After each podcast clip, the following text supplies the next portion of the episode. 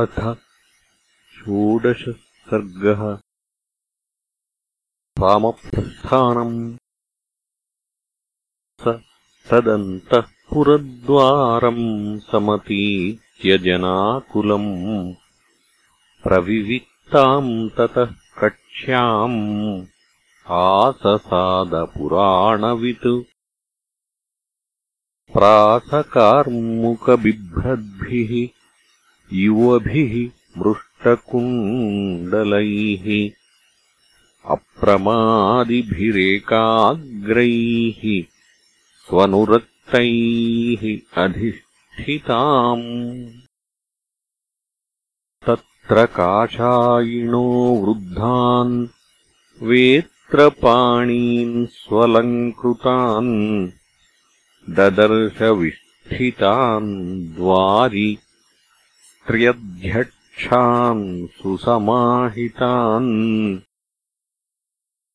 ते समीक्ष्य समायान्तम् रामप्रियचिकीर्षवः सहसोत्पतिताः सर्वे।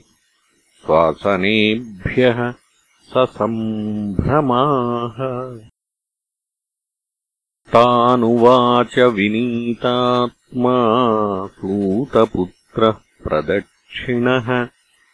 क्षिप्रमाख्यातरामाय सुमन्त्रोद्वारि तिष्ठति ते राममुपसङ्गम्य भर्तुः प्रियचिकीर्षवः। सह भार्याय रामाय क्षिप् प्रमेवाभिचक्षिरे प्रतिवेदितमाज्ञायसूतमभ्यन्तरम् पितुः तत्रैवानाययामास राघवप्रियकाम्यया। तम् वैश्रवणसङ्काशम् उपविष्टम् स्वलङ्कृतम् ददर्शसूतः पर्यङ्के सौवर्णे सोत्तरच्छदे वराहरुधिराभेण शुचिना च सुगन्धिना अनुलिप्तम् परार्ध्येन चन्दनेन परन्तपम्। स्थितया पार्श्वतश्चापि वालव्यजनहस्तया उपेतम् सीतया भूयः चित्रया शशिनम् यथा। तम् तपन्तमिवादित्यम् उपपन्नम् स्वतेजसा। ववन्दे वरदम् वन्दी। विनयज्ञो विनीतवत् प्राञ्जलिस्तु सुखम् पृष्ट्वा विहारशयनासने राजपुत्रमुवाचेदम् सुमन्त्रो राजसत्कृतः। कौसल्या सुप्रजा राम पिता त्वाम् द्रष्टुमिच्छति महिष्या सह कैकेय्या गम्यताम् तत्र माचिरम् एवमुक्तस्तु संहृष्टो नरसिंहो महाद्युतिः। ततः सम्मानयामास सीताम् इदमुवाचः। देवि देवश्च देवी च समागम्यमदन्तरे मन्त्रयेते ध्रुवम् किञ्चित् अभिषेचनसंहितम् लक्षयित्वा ह्यभिप्रायम् प्रियकामासु दक्षिणा सञ्चोदयति राजानम् मदर्थम् मदिरेक्षणे सा प्रहृष्टा महाराजम् हितकामानुवर्तिनी जननी अर्थकामा मे केकयाधिपते सुता। दिष्ट्या खलु महाराजो महिष्या प्रियया सह। सुमन्त्रम् प्राहिणोत् दूतम् अर्थकामकरम् मम यादृशी परिषत्तत्र तादृशो दूतागतः। ध्रुवमद्यैव माम् राजा यौवराज्येऽभिषेक्ष्यति हन्त शीघ्रमितो गत्वा द्रक्ष्यामि च महीपतिम्। सह त्वम् परिवारेण सुखमास्व रमस्व च पतिसम्मानिता सीता भर्तारम् असिते क्षणा आद्वारम् अनुवौराज मङ्गलान्यभिदध्युषी।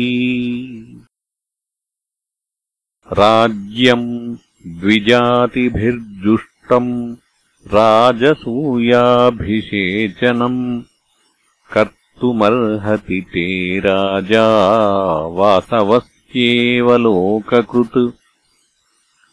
दीक्षितम् व्रतसम्पन्नम् वराजिनधरम् शुचिम् कुरङ्गशृङ्गपाणिम् च पश्यन्ती त्वाम् भजाम्यहम्। पूर्वाम् दिशम् वज्रधरो दक्षिणाम् पातु ते यमः वरुणः पश्चिमामाशाम् धनेशस्तूत्तराम् दिशम्। अथ सीतामनुज्ञाप्य कृतकौतुकमङ्गलः निश्चक्रामसुमन्त्रेण सह रामो निवेशनात् पर्वतादिव निष्क्रम्य सिंहो गिरिगुहाशयः। लक्ष्मणम् द्वारिसोपश्यत् प्रह्वाञ्जलिपुटम् स्थितम्। अथ मध्यमकक्ष्यायाम् समागम्य सुहृज्जनैः स सर्वानर्थिनो दृष्ट्वा समेत्य प्रतिनन्द्य च ततः पावकसङ्काशम् आरुरोहरथोत्तमम् वैयाघ्रम् पुरुषौ व्याघ्रो राजतम् राजनन्दनः मेघनादमसम्बाधम् मणिहेमविभूषितम् मुष्णन्तमिव चक्षूंषि प्रभया मेरुवत्ससम् करेणुशिशुकल्पैश्च युक्तम् परमवाजिभिः। हरियुक्तम् सहस्राक्षो रथमिन्द्र इवाशुगम् प्रययौ तूर्णमास्थाय राघवोज्ज्वलितः श्रिया। सपर्जन्यैवाकाशे स्वनवानभिनादयन् निकेतान्निर्ययौ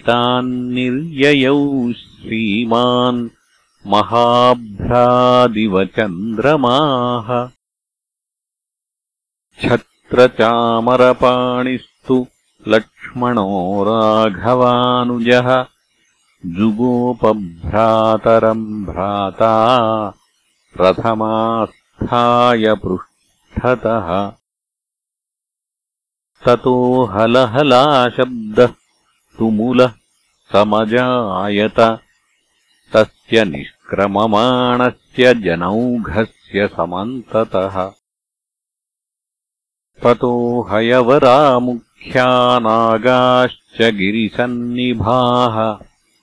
अनुजग्मुस्तदा रामम् शतशोथसहस्रशः।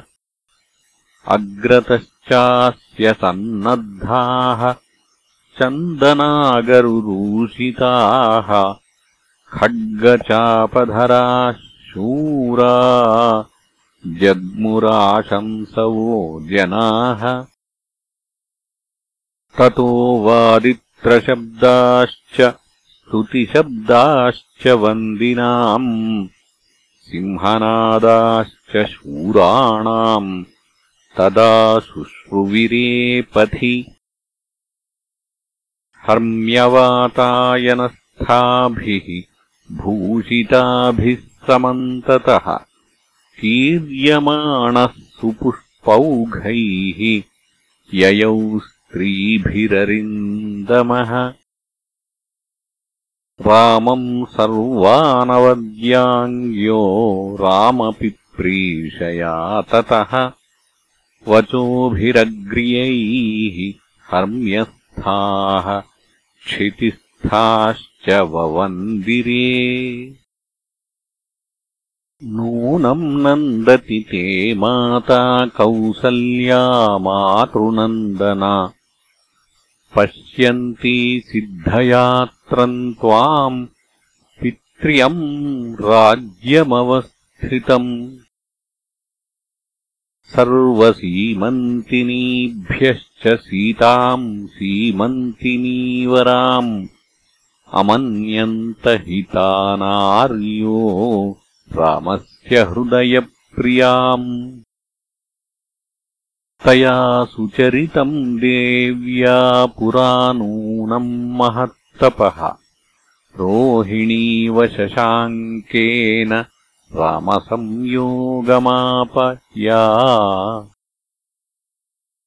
इति प्रासादशृङ्गेषु प्रमदाभिर्नरोत्तमः शुश्रावराजमार्गस्थः प्रिया वाच उदाहृताः। स राघवस्तत्र कथाप्रपञ्चान् शुश्रावलोकस्य समागतस्य आत्माधिकारा विविधाश्च वाचः प्रहृष्टरूपस्य पुरोजनस्य। एष श्रियम् गच्छति राघवोऽद्य राजप्रसादाद्विपुलाङ्गमिष्यन्।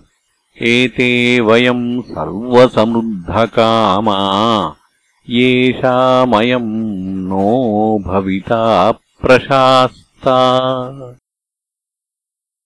लाभोजनस्यास्य यदेश सर्वम् प्रपथ्यते राष्ट्रमिदम् चिराय न ह्यप्रियम् किञ्च न जातु कश्चित् पश्येन्न दुःखम् मनुजाधिपेऽस्मिन्। स घोषवद्भिश्च हयैर्मतम् गजैः पुरःसरैः स्वस्तिकसूतमागधैः महीयमानः प्रवरैश्च वादकैः अभिष्टुतो वैश्रवणो यथा ययौ। करेणुमातङ्गरथाश्वसङ्कुलम् महाजनौघप्रतिपूर्णचत्वरम् प्रभूतरत्नम् बहुपुण्यसञ्चयम् ददर्श रामो रुचिरम् महापथम्। इत्यार्षे श्रीमद् रामायणे वाल्मीकीये आदिकाव्ये अयोध्याकाण्डे षोडशः सर्गः